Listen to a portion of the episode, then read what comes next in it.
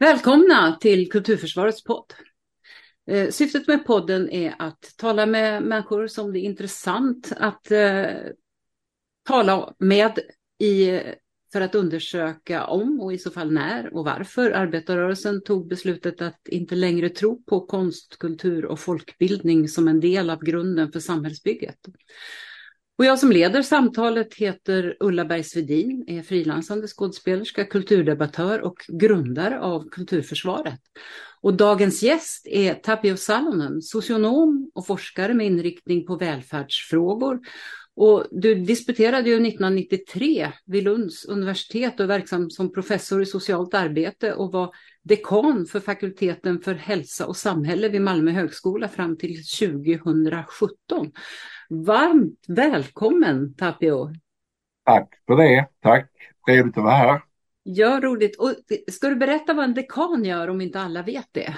Ja, det, det är en, en, en dekan är en chef för en fakultet. Ja. Och, eh, jag hade glädjen att vara chef för en stor fakultet som heter Hälsa och samhälle. Så det var Eh, utbildning av sjuksköterskor och socionomutbildning och biomedicinare och så vidare. En stor fakultet med eh, 4 000 studenter så att eh, en stor verksamhet. Ah. Då eh, har jag en sån här inledande fråga som lyder, vem är Tapio Salonen? Som är en ganska omfattande fråga, men jag ställer det.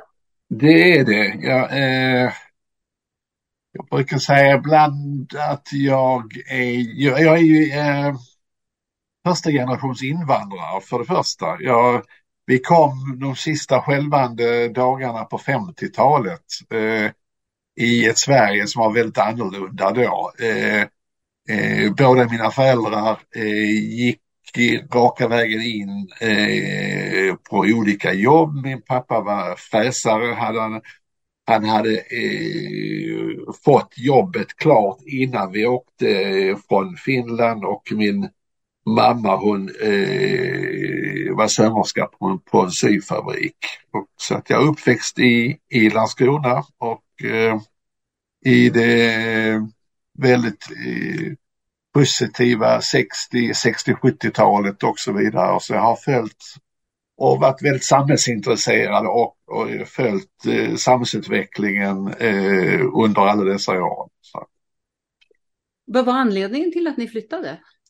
Det var, men det var svårt för eh, barnfamiljer klara eh, livets nödvändiga på 50-talet i Finland. Eh, det var många som emigrerade.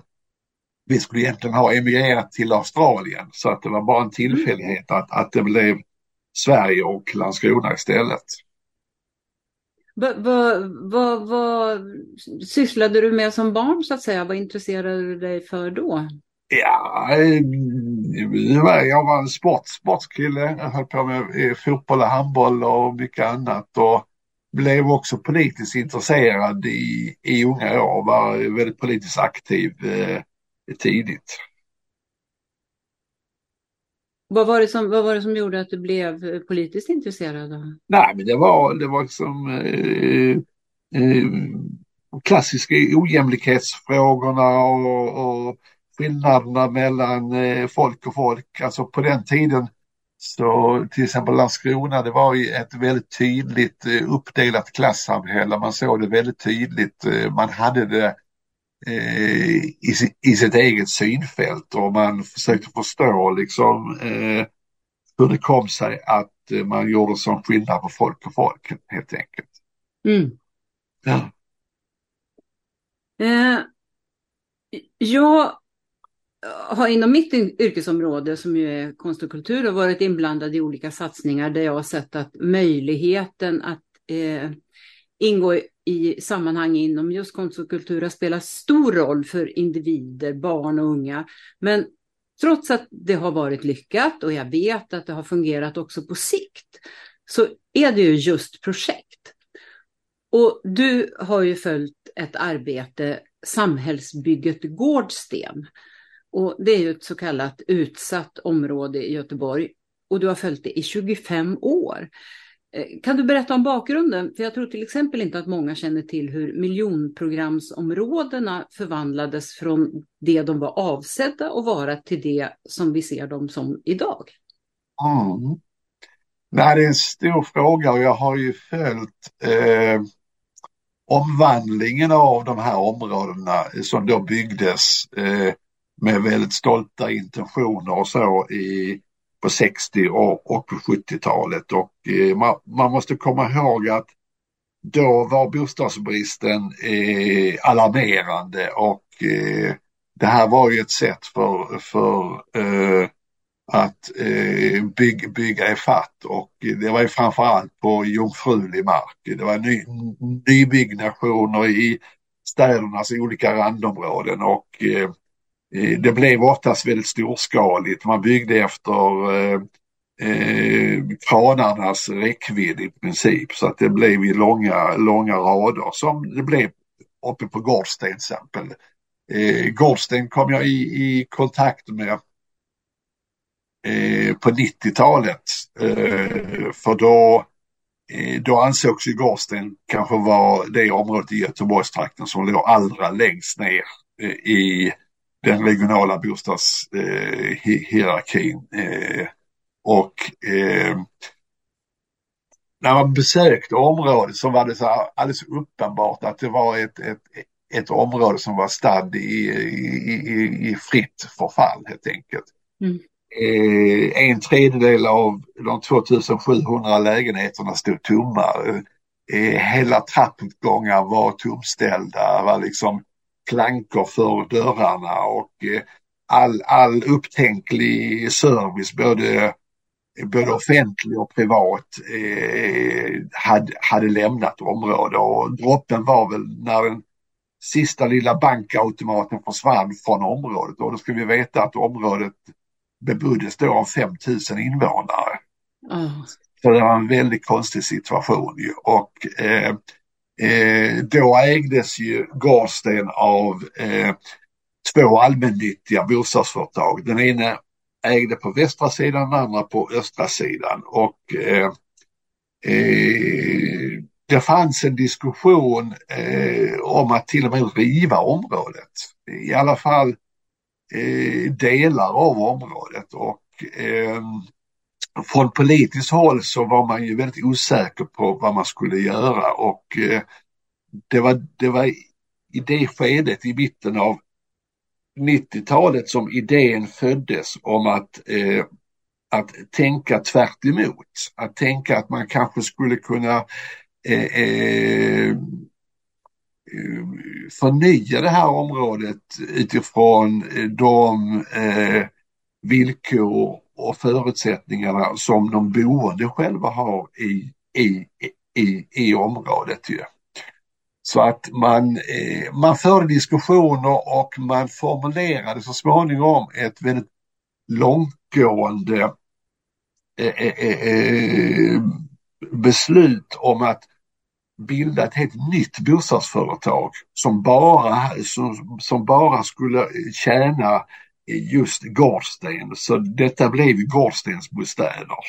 Och eh, man skrev in rätt mycket ambitioner av att man just skulle eh, utgå från eh, de boendes egna förutsättningar och deras välfärd helt enkelt. Så det var väldigt mycket att gå tillbaka till allmännyttans eh, ursprungliga idéer kring varför man bildade allmännyttan en gång i tiden i slutet av 40-talet. Så det här blev upprinnelsen till, eh, till Gårdstensbostäder helt enkelt, som då bildades 1997. Mm. Och, det, och, och det är den utvecklingen från 97 och framåt som jag har skildrat i den här boken eh, Samhällsbygget Gårdsten helt enkelt. Mm. Ja. Hur, hur var sammansättningen av befolkningen då, de här 5000 som... Ja, det var ju precis man skulle kunna förvänta sig. Det var liksom en, en, en väldigt en blandad fattig befolkning. Eh, eh, alla socioekonomiska parametrar var nere i botten eh, eh när det gäller inkomster och försörjning eh, och, och så vidare. Så att eh, det, helt, helt uppenbart så, så var det ju här en av Eh, de områdena i, i eh, Storgöteborg som var ett genomgångsområde helt enkelt. Och, eh, och, och så att det var också förklaringen till varför det under den tiden stod så många tomma lägenheter. Attraktionskraften var väldigt liten plus att det naturligtvis med det förfallet eftersatta underhållet och så vidare upplevdes som väldigt otryggt och kriminaliteten och eh, började frodas och Gårdsten var ju e-, ett av de områdena där, där gängkriminalitet och sånt eh, eh syntes eh, som allra tidigast. Mm. Men just det här som du beskriver också, eh, alltså hur, vad som var tanken med miljonprogramsområdena från början. Ja. Kan du säga något om det? Jo, men det var ju naturligtvis att, att eh, dels att bygga bort bostadsbristen men också att bygga, att, att, att bygga eh, så, så, att man kunde erbjuda en, en, en hög bostadsstandard med stora luftiga lägenheter och en god samhällsservice åt, åt, åt, åt arbetande eh, befolkningen. Så att eh, det var ju en, en, en, en, eh, en väldigt stark socialdemokratisk vision som, som eh, eh, genomfördes under 60 och 70-talet. Ja. Mm. Och det, har man, det, det, tänker jag, det har vi kanske lite grann glömt bort när vi, när vi pratar om de där områdena. Att, att, I alla fall i början så, så fyllde det väl lite den funktionen, särskilt när det var mycket inflyttning. Det var ju mycket inflyttning från norra Sverige till, eh, till storstäderna. Det var det och det var också inflyttning från södra Europa och, och ja. man kan säga att i Sverige som industrisamhälle stod i, i sin högsta blom eh, i, på 60-talet och eh, eh, bostadsbristen eh, löstes genom detta och eh, de här områdena eh, rent funktionellt och byggnadstekniskt så är de ju väldigt högstående och, mm. och, och avancerade. Men mm. eh, bara några år in på 70-talet så det är klart att, att med den storskaligheten och med eh, så att säga att, att folk kom från eh, när och fjärr med väldigt olika förutsättningar innebar ju också att, att, att, att den sociala problematiken eh, blev, blev ganska tydlig ganska snabbt i, i många av de här områdena. Ja, ja eh, och med det har du väl i och för sig också beskrivit min nästa fråga där hur, hur det så kallade problemet då såg ut när arbetet startade. Men, men vad, var, vad var uppdraget? Kan man Upp, uppdraget var väldigt tydligt eh, att eh, Gårdstensbostäder fick ett väldigt långtgående mandat att eh, att vara den lokala samhällsbyggaren helt enkelt. Och det var inte helt eh, konfliktfritt för att den, mm det, det, det stod ju mot eh, andra förvaltningar, andra myndigheters ambitioner och så vidare. Vi hade vid den tiden en, en, en stadsdelsreform i Göteborg som innebar att det var stadsdelsförvaltningarna som hade befolkningsansvaret egentligen.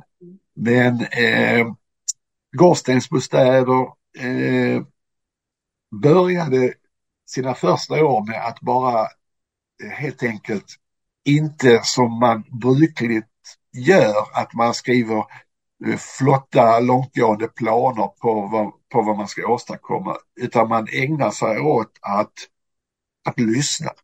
Mm.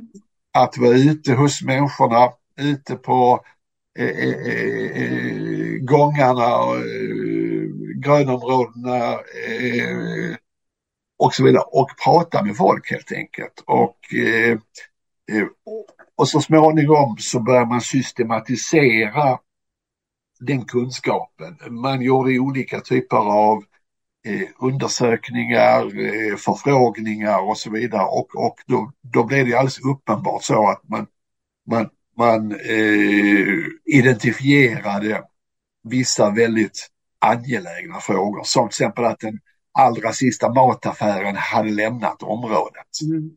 Eh, och vad gjorde Gårdstensbostäder? Jo, man öppnade affär. Mm. Eh, eh, folk, folk sa att vi, vi, vi kan inte ta oss snabbt ner till eh, centrala Göteborg. Vad gjorde Gårdstensbostäder? Jo, man eh, delfinansierade en, en, en ny busslinje, en direktlinje från Gårdsten ner till centrala Göteborg. Mm.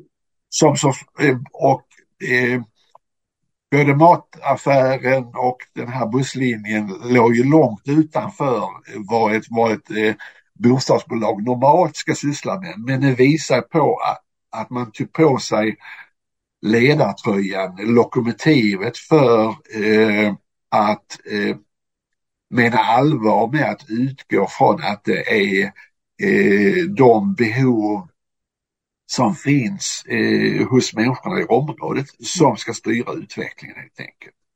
Och så småningom så fick man då privata aktörer att ta över mataffären. Man fick den regionala eh, bussbolagen att ta över den här linjen så småningom. För det visade sig ju naturligtvis att den var eh, hållbar och Mm. att den var, var, var, att den var affärsmässig. Så att, eh, så att eh, på område efter område så har man ju liksom eh, byggt lokalsamhälle utifrån eh, de eh, villkor och de specifika förutsättningar som, som just finns i det här området. Och något som var väldigt speciellt det var när man bildade själva Gårdstensbostäder.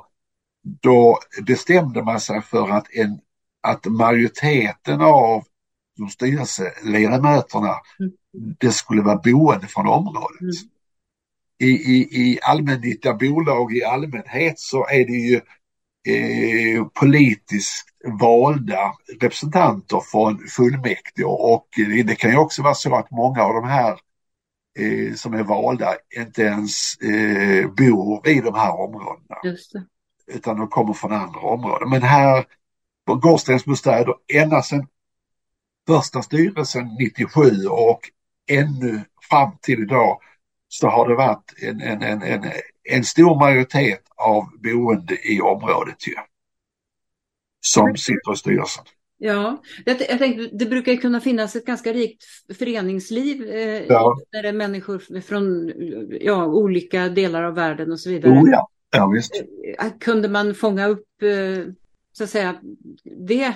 Och, Absolut, man har hela tiden haft ett stort utbyte av det föreningsliv som har funnits på området. Många av de eh, invandrarbaserade föreningar som finns i området Ja. har, har, har varit väldigt viktiga samarbetspartners. Så, eh, vdn och personalen i Gårdstensbostäder har ju då arbetat fram en, en, en, en, en eh, företagskultur som utgår från att vara dialogbaserat, att eh, hela tiden organisera verksamheterna så att de är, eh, är, är öppna, har låga trösklar, man, man organiserar det om hela området. Man delar in, delade in området i en, i en sju, åtta olika delområden som fick varsin huschef och den huschefen skulle finnas med kontor i, i, i sitt lilla område och vara ute i området och, ha- och ha en öppen mottagning som vem som helst skulle kunna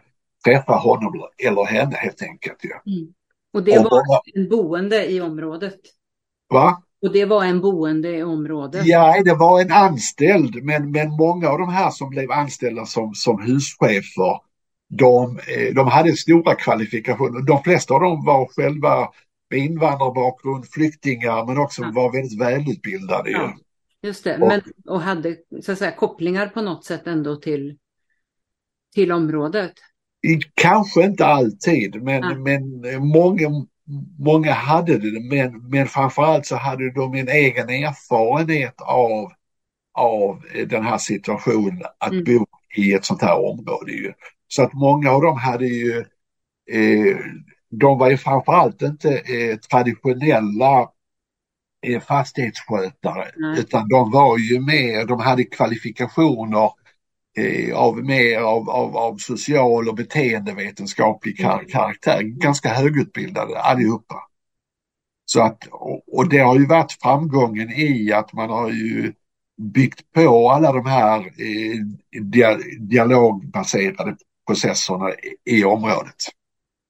Just det, och den första vdn, Stina Fransson, hon hämtas ju från folkrörelsen. Ja, från Konsument i Göteborg och hon har också varit eh, väldigt eh, engagerad i, i, i, i arbetarrörelsen från, från början. Och det var ju Stinas, eh, Stinas idéer och filosofi som, som, som eh, slog igenom och, och som, som kom att genomsyra eh, företagets sätt att fungera på. Och jag menar på att detta har än idag eh, ett väldigt stort genomslag. Mm. Ja,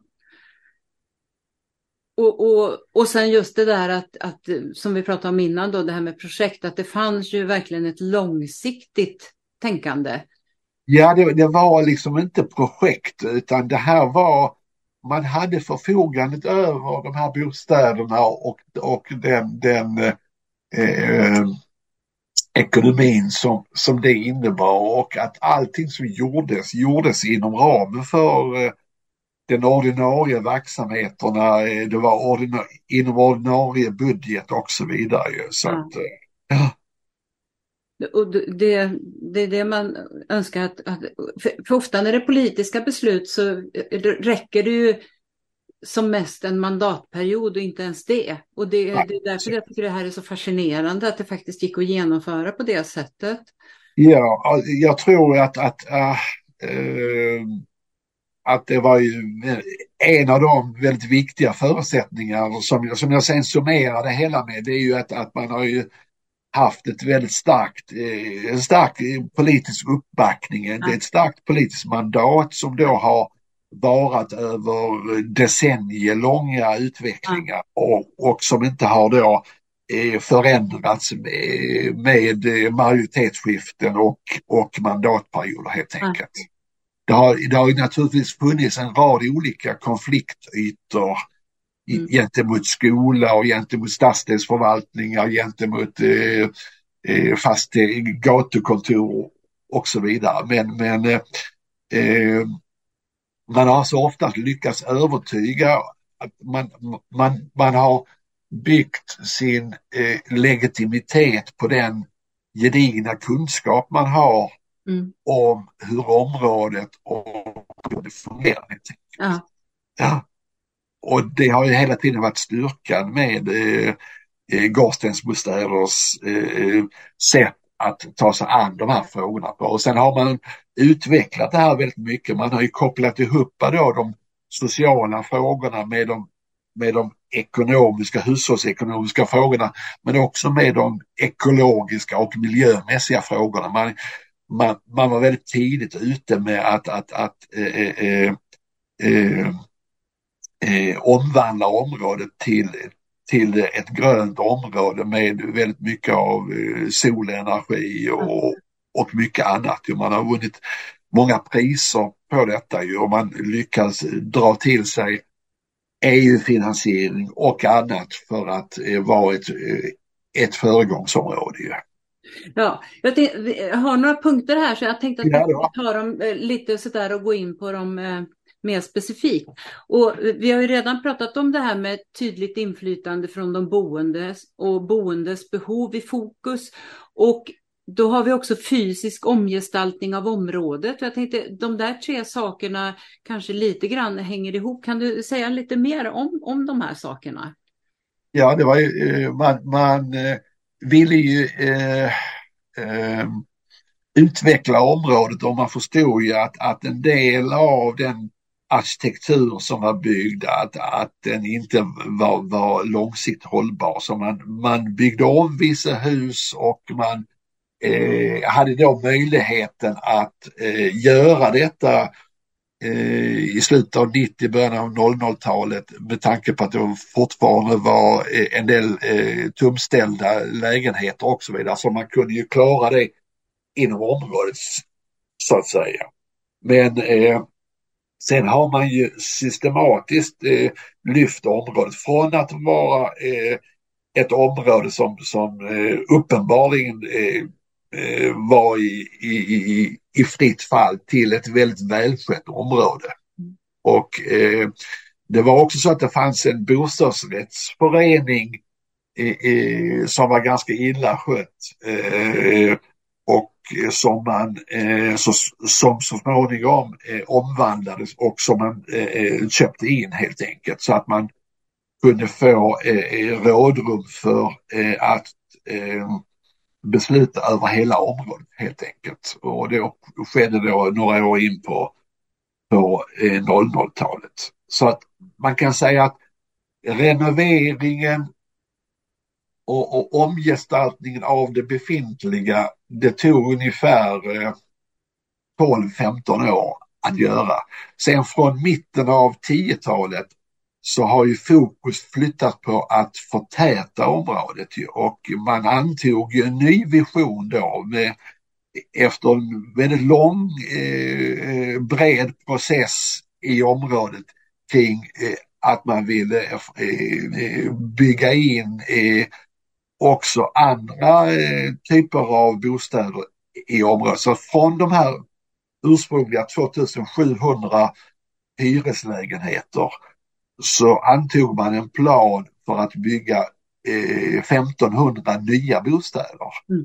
Med, en, med en stor variation, alltifrån egna hem, eh, ägt boende till bostadsrättsföreningar, eh, till eh, privat hyresrätt Eh, Eh, och, och så vidare och eh, eh, en helt ny centrumanläggning. Och allt detta antog man i, i ett visionsarbete i mitten av 10-talet och det är det vi ser eh, frukterna nu eh, på 20-talet. Det här, åker man upp till Gårdsten idag 2023 så är allt detta nästan eh, förverkligat. De här eh, 1500 nya bostäderna eh, var inte bara på pappret utan de, de eh, förverkligas och det innebär då att skorstensbostäderna, allmännyttiga, går från att vara helt dominerande till att kanske bli 60-65 procent av, av områdets eh, eh, eh, eh, bestånd helt enkelt. Och att det blir en bättre eh, blandning, att folk kan, kan också göra eh, bostadskarriärer inom området därför att den här variationen har då eh, eh, eh, för, förverkligats inom området helt enkelt. Så att man kan säga att området är från att vara ett, ett, ett, ett område som man funderar på om man skulle riva helt och hållet mm. för, för 25 år sedan så är det, det här är kanske inte bara Göteborgs utan Sveriges finaste miljonprogramsområde. Mm med, med topp top, eh, standard på allting och eh, eh, en ny centrumanläggning och, och man det som det, det, som har varit det kvarvarande problemet i området under, under senare år har varit framförallt skolan. Mm. På vilket sätt då? man, man har inte fått den, den stabiliteten i skolverksamheterna som man önskat sig eh, fram till eh, Gårdstens eh, skolan. Det var alltså en vanlig eh, grundskola. Eh, den eh, eh, där saknade man helt stabilitet. Man bytte, man, jag tror man hade 18 rektorer på 20 år. Mm. Och så småningom så rev man skolan därför att den var, den var eh, möglig och, och eh, eh byggnadstekniskt ganska undermålig. Så att, och, eh, och under några år så fick då Gårdstensbarnen eh, åka till andra områden om man inte eh, gick på den eh, eh, skolan som eh, var grundad på islamsk grund, Römosseskolan som, ja, blev väldigt, som, som blev väldigt omdiskuterad och som också lades ner så småningom. Mm. Nu, nu är man i situationen att man eh, eh, bygger, bygger nya skolor i, i, i området och eh, hoppas på att eh, den här eh, kvarvarande problematiken med, med eh, skolan ska, ska eh, eh försvinna helt enkelt. Så att, eh, men det, det, har varit, det har varit ett, ett, ett, eh, som jag beskriver i boken, det har varit ett, en, en, en lång kamp där Gårdstensbostäder verkligen har försökt driva på eh, eh, eh skolutvecklingen i, i området.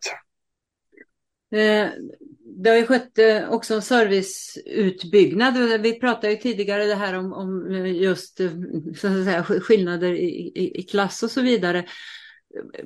Det är ju lätt till, tänker jag, att tänka att när det kommer till människor som bor i egna hem och bostadsrätt då, då är det enkelt att, att, att utöka service och så vidare för då finns det mer intresse för då, i de områdena där det är huvudsak hyresrätter och kanske mer med mindre välbeställda människor, där, där är det inte så intressant att bedriva service. Vad tror du om det?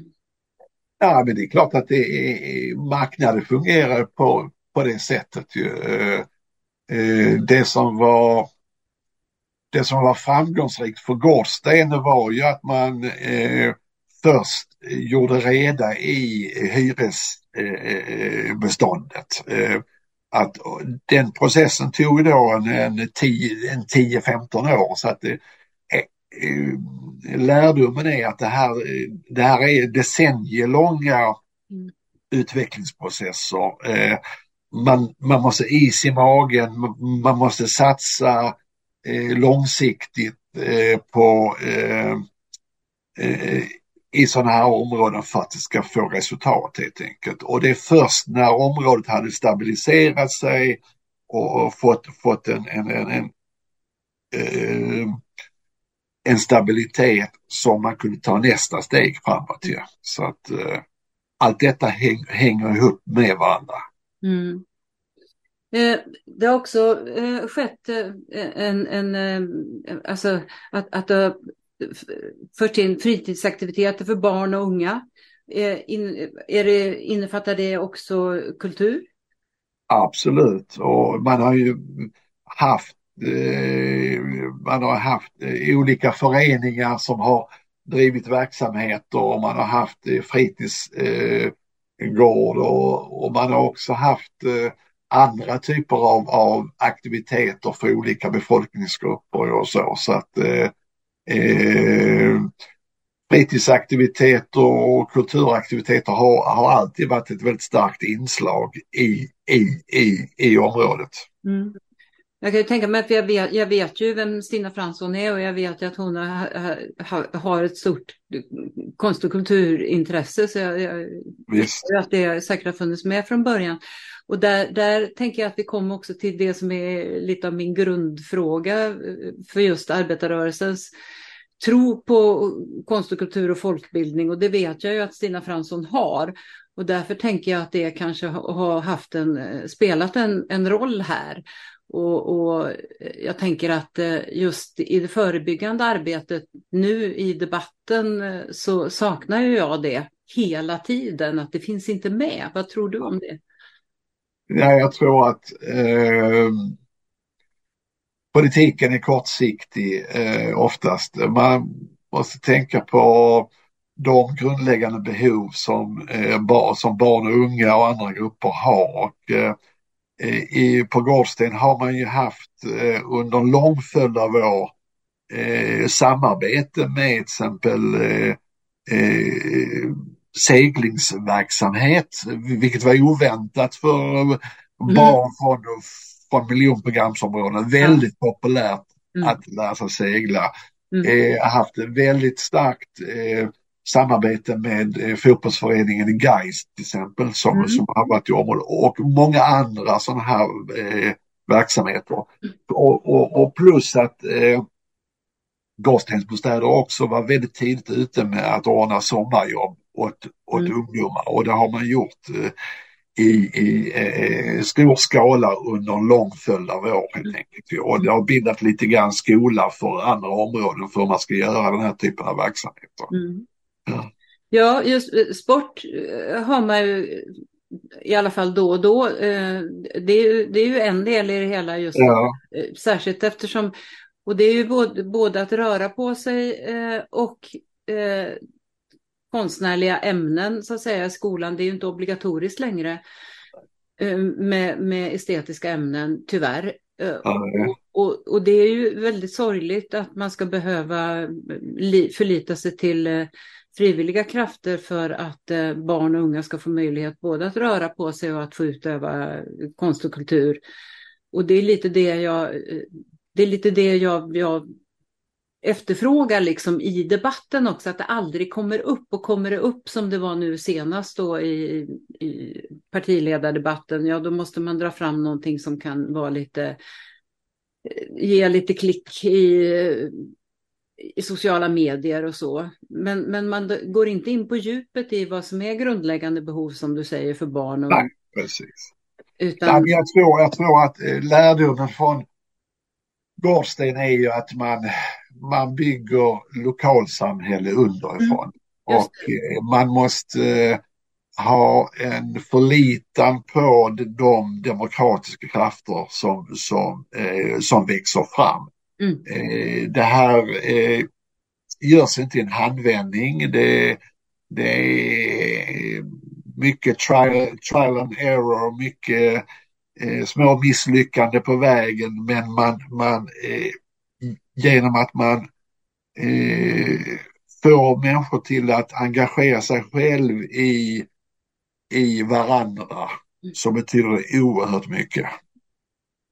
Har, har de här föreningarna fått, fått stöd också? Så att säga? För att ofta så förlitar man sig idag så pratar man ja, det är klart att de har fått, Det är klart att de har, eh, Gårdstensbostäder har ju varit en väldigt, på, en väldigt pålitlig partner och ja och stött eh, olika typer av eh, eh, idrottsliga och kulturella verksamheter. Mm. Absolut.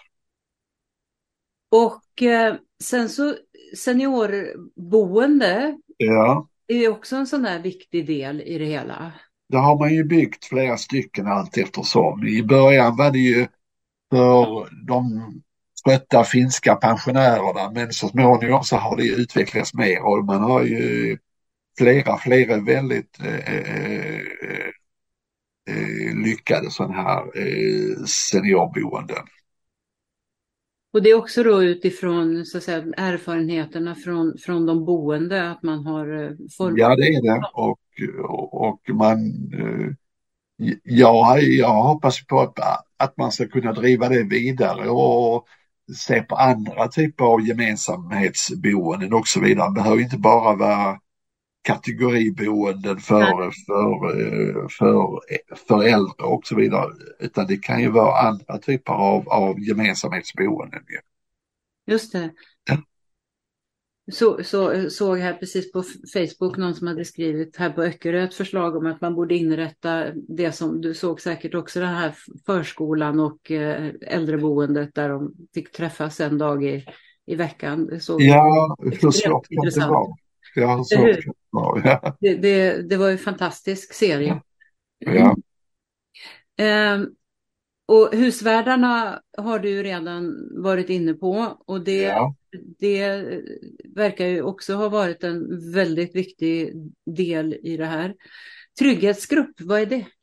Trygghetsgrupp är ju en, en väldigt viktig del av den platta organisation som man byggde upp eh, Gårdstensbostäder. Alltså det detta är ju Gårdstensbostäders ansikten utåt utanför kontorstid, det vill mm. säga mm. efter 17.00 varje dag och på helgerna. Så att mm. man har en 6-7 som är anställda som jobbar i skift. Mm. Som har full, full befogenhet och nycklar och alltihopa och som, som så småningom i, i början hanterade väldigt mycket av den Eh, otrygghet och oro som finns, som fanns i området med, med barn och unga och så vidare. Och, och så småningom så har de ju eh, kunnat hantera andra frågor också. Så att det här är en, en, en, en, en del av Gårdstensbostäders ordinarie verksamhet som har varit i full drift nu i 20 år. Mm. Men just det du säger att de har varit anställda, det har inte varit, ni kan väl vara ute på kvällarna ni som nej, är nej, nej, nej, ja. nej, precis. Det, det, det, här är professionella personer som har ja. som har utbildning och, och den, den eh, professionella sammansättningen de har eh, är, är ju ämnad för att eh, kunna eh, ha, hantera de här frågorna. Ja.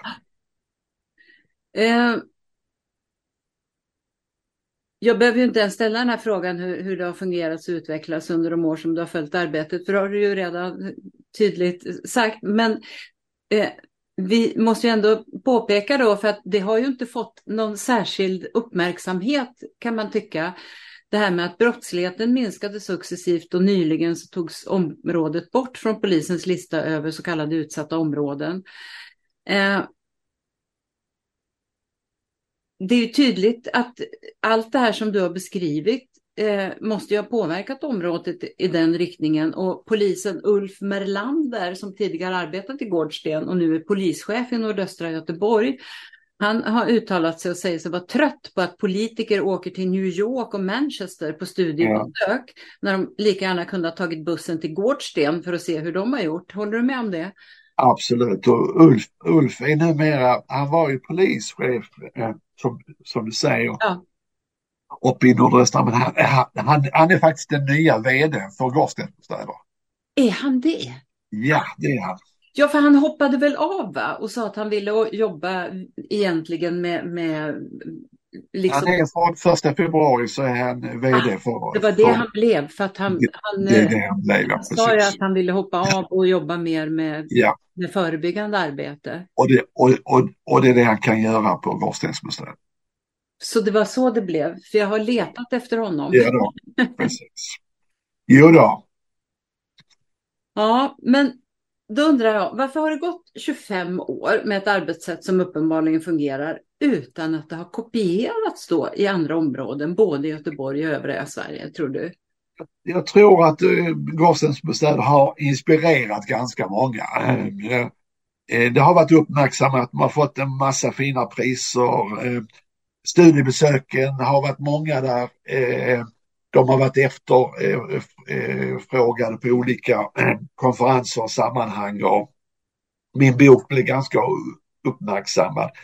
Men jag tror att eh, tidsandan eh, gör att det är svårt att, ta hela paketet. Mm. Eh, eh, för, för det är så jag ser på utvecklingsprocessen i det här lokala samhällsbygget. Att det, det är ett helt paket. Man vill gärna plocka några delar i det här. Man vill gärna plocka detta med att få ner brottsligheten och så. Men man vill, men man vill kanske inte eh, eh, eh överlåta beslutsrätten långt ut i området också. Så det handlar ju om att eh, egentligen eh, bejaka en, en, en, eh, en fördjupad demokratiutveckling egentligen.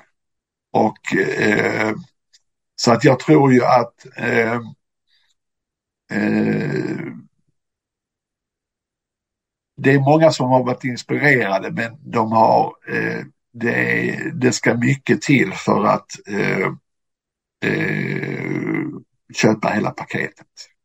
Men då har man väl inte förstått vad som är liksom, det lyckosamma? Nej, exakt. Och, och, och då kan man heller inte lyckas. Nej. Nej, precis. Eh, Eh, men det politiska styret i Göteborg formulerade ändå 2019 ett mål utifrån att man sett Gårdstens bostäder arbetssätt som ett exempel att följa. Och målet som man har satt är att det inte ska finnas några särskilt utsatta områden år 2025. Och då mm. finns det ju sex sådana områden och tre av dem i samma stadsdel som Gårdsten och nu är vi en bit in på 2023.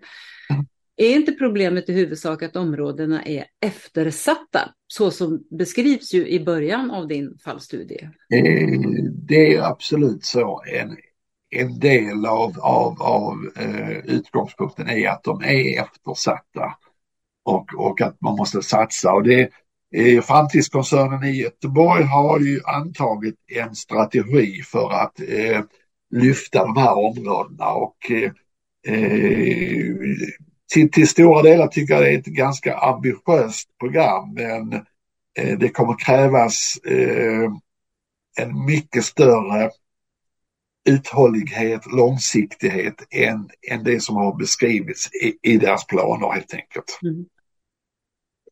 Eh, jag läste också en artikel i Aftonbladet som jag blev lite ja. över, där säkerhetschefen i Gårdsten, Jihan Mansour, säger att om du begår brott så kan du bli av med lägenheten, så enkelt är det.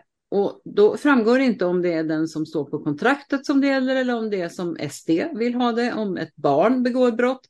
Mm. Vet du eh, hur, hur det fungerar? För att Finns det egna lagar i området satta av Gårdsten? Det, det, finns inga, det, finns inga, det finns inga särskiljande lagar eh, på Gårdsten eh, utan det är samma regler som, som, som, gäller, eh, som, som gäller överallt.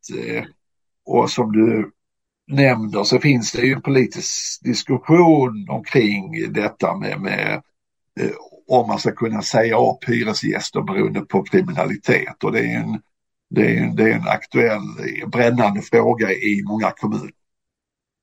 Ja, för, eh, det, det, för det, det, S-ledaren här, Jonas Attenius, han instämmer i artikeln där till förfarandet och så sägs det då att socialtjänsten inte hinner med. Och då, då blir man ju lite orolig för därför att man ska börja lägga ansvar från politiker och samhälle på ett bostadsbolag. För då börjar man känna att man är ute i tassemärkena ja. tycker jag. Ja, ja, ja. Nej, eh, nej, jag tror inte man ska eh, tolka det på det sättet. Eh, det får jag verkligen inte hoppas. Det låter lite populistiskt som uttalande tycker jag från, från en ansvarig politiker. Ja, jag kan, inte, jag, jag, jag kan inte uttala mig om den artikeln. Jag, jag vet vad grunden är. Där. Men, men då är det i alla fall inte så, då är det inte så att man kan bestämma det själv i alla fall. Och nej, det, kan, det kan man absolut inte. Nej. nej. Eh, jag läste en annan debattartikel också i GP från 13 mars. Eh, några personer från Hammarkullen och det är ju alltså då en, eh, ja en, en från Hammarkullens bollklubb. Det är en boende då. Så är det en tidigare rektor på Angereds folkhögskola i Hammarkullen och så är det en skolkurator i Hammarkullen. Och där, eh, de, de, eh, det är också en sån här stadsdel då bland de särskilt utsatta områdena.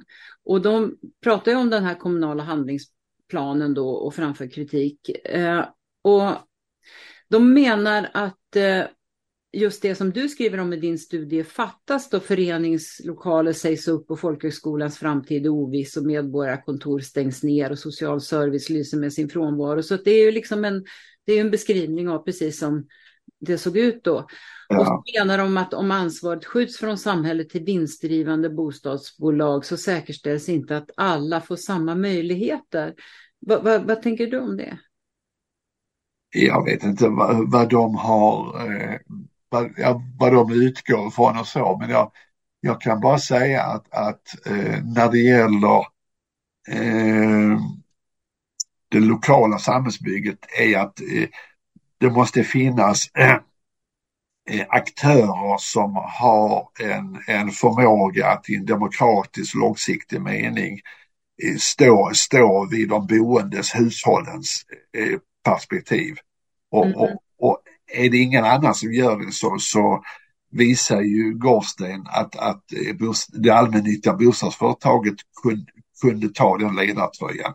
Men det är inte säkert att det, det ska se ut så i, i andra områden. Men eh, i Gårdsten eh, visade det sig att detta var, var eh, fullt, fullt möjligt att göra. Tänker, eh, om det har med uppdraget att göra, för det har ju uppenbarligen fungerat väldigt bra just i Gårdstensfallet. Ja. man tänker om det är liksom det nya New Public Management-tänkandet då, men, men de är ju oroliga för för det har ju fungerat i Gårdsten då som du säger med den här blandningen av, eh, av boendeformer och så vidare. Men här är de ju oroliga för att om man då så att säga, rustar upp området att det mer är för att byta ut befolkningen snarare än att blanda. Precis. Det är ju det de, de är oroliga för. Ja, ja. ja. För att det står tydligen i strategin att det uttalade målet är att höja attraktiviteten för områdena för att därigenom nå affärsmässig nytta. Ja. Eh, och det, det, så att man flyttar problemet någon annanstans. Och då, då, då blir man ju liksom eh, då blir, blir, man ju lite fundersam om, om det är det som är, eh, om, om man har missuppfattat så att säga vad det är ni har gjort i, i, i Gårdsten. Ja, nej men det, det, det är intressant för att eh, man, man, man får på något sätt följa det där och se vart det tar vägen. Men därför är det viktigt att ha hela, det här, eh, hela din berättelse eh, så här fördjupad. Ja. Jag skulle vilja prata lite om arkitektur. För att hur man väljer att gestalta ett bostadsområde är ju både en samhällsbyggnadsfråga, men det är också en konstnärlig fråga. Och vilken betydelse skulle du säga den har för hur de boende trivs i området? Ja, jag är ingen, ingen expert alls eh, på detta område, men jag kan bara... Eh, självklart är det så att, att eh, den, den eh, fysiska gestaltningen har naturligtvis en, eh, en stor betydelse och att, att den ligger i, i, eh, i enlighet med vad eh, de många vill och önskar och tycker är ju naturligtvis en, en, en, en, en viktig aspekt. Så att, eh,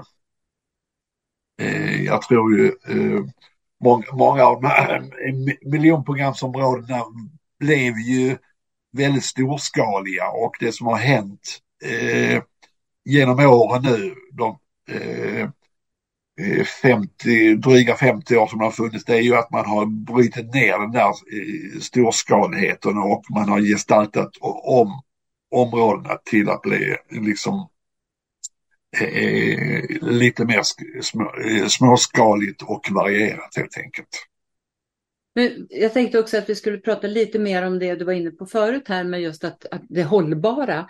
Ja. Solceller pratade du om och det var ju väldigt tidigt. Har det, liksom, har det fungerat under hela tiden och utvecklats eller? Det tycker jag. Jag tycker att de har, de har, de har fortsatt med, med det. Alltså, i, i, I boken som jag skrev så har jag ett helt kapitel som bara beskriver de olika insatserna som man har gjort omkring mm. eh, den, den, den ekologiska dimensionen. Den har ju fortsatt under hela den här eh, tiden som jag har följt området. Ja, och det är ju, det är ju inte, bara, det är inte bara solceller utan det är Nej. ju också grönområden och eh... Visst. Ska du säga något om det, hur, hur eh, liksom själva gestaltningen? Eh? Ja, jag tror att, att eh, också det har baserats väldigt mycket på vad, vad de boende själva har, har efterfrågat och det har varit väldigt mycket att eh, kunna ha egna odlingslotter och man, man också i, i vissa hus har man gjort om entréer och nedanvåningar så att man har haft som växthus och så vidare. Så, och det har nog fungerat eh, varierande und, under åren beroende på, på den, den, den energi och intresse som finns hos eh, hyresgästerna helt enkelt. Precis, men det är ju också just för att man har med sig en kunskap eh, om just och intresse för just odling och eh, självhushåll och så vidare. Precis. Att man har tagit tillvara det. Absolut. Och, och man var väldigt tidigt ute med att, att, eh, att eh, eh, installera eh, apparatur så att man kunde själv ha kontroll på sin elförbrukning och, och så. så att, ja. Precis, och, och, och det, det tänker jag, det är ju liksom, det är ju, det, det är väldigt aktuellt. Eh, och något eh, som man också borde lyfta i, eh, i debatten idag. Och därför, jag, jag förstår liksom inte alls att det här har fått så litet utrymme i, eh, i, i, i i media med tanke på med, med tanke på den debatten som förs. Ja. Säger ja, nu har vi tagit bort det här från, eh, från listan på utsatta områden. Men man borde ju ha beskrivit också själva arbetet. Ja. Och vad det har gett inom eh, ja, ja, hela bredden så att säga. Och för människorna. Ja, men då är det tur att jag skrivit en bok om detta. Ja, verkligen. Ja. och den, den har jag läst och den kan jag verkligen eh, rekommendera för läsning. Och eh, jag är väldigt, väldigt glad över att jag fick eh, tala med dig. Men jag skulle ja. vilja fråga dig, en sista fråga. Ja. Tror du att det är möjligt att få till ett samtal om huruvida konstkultur och folkbildning, för det här är ju faktiskt folkbildning tycker jag, att eh, ta del av en sån här berättelse? Nej, men det tror jag absolut, absolut. Och jag tror att det finns ett stort intresse för det, absolut. Så att det, det gäller att hitta former och, och, och så för. Och jag är, är väldigt ödmjuk för jag är tillfrågad och eh, presenterar detta i, i, i många olika sammanhang. Så mm. jag, ja. Vad är det för, vad är det för uh, olika sammanhang som du pratar om det här? Vad är det för människor som tar del av det? Ja, det, är ju, det är ju mest allmännyttans folk förstås. Mm. Det, är, det är det ju runt om i landet. Så att, uh, Gårdstensbostäder är ju ett, ett uh, lysande exempel på, på, på hur man kan utveckla allmännyttan. Och den, den ställer ju också grundfrågor om uh, i det långa historiska perspektivet om allmännyttans ursprung och allmännyttans utveckling och vart allmännyttan är på väg. Och ska allmännyttan bli som vilka andra privata bostadsföretag som helst, då kanske inte allmännyttan har något existensberättigande. Utan allmännyttan måste eh, eh, odla sin särart. Verkligen, och, och jag tänker ju att det här är ju det här är ju någonting som borde kunna intressera alla, för jag tänker det här, det, det är ju eh, ändå så att det var en del av eh, det som man kallar för folkhemsbygget. Idéerna, både om eh, alltså att, att, att hela folket eh, skulle kunna få tillgång till inte bara utbildning utan bildning. Ja. Men också allmännyttan då och eh, hela tanken kring det. Och boendet som du sa, alltså som du beskrev miljonprogrammen från början, alltså det var möj en möjlig möjligt att bo bra för arbetare och så vidare och ha också en plats för gemenskap. Och då tänker jag att det är ju det, är ju det som är viktigt att vi får behålla, så att säga. Och inte bara prata om eh, brott och hårdare straff och eh, liksom tillbaka till den tiden. Eh, det, det, det, det, känns som en väldig backlash, tycker jag. Ja. Så tack så hemskt mycket för att ja, du medverka och delge oss ja. denna framgångsberättelse. Tack, tack för mig. Och tack för att ni lyssnade. Och den som vill veta mer om Kulturförsvaret, om kommande poddar, kan gå in på kulturförsvaret.se. Poddarna hittar ni på sidan och där poddar finns.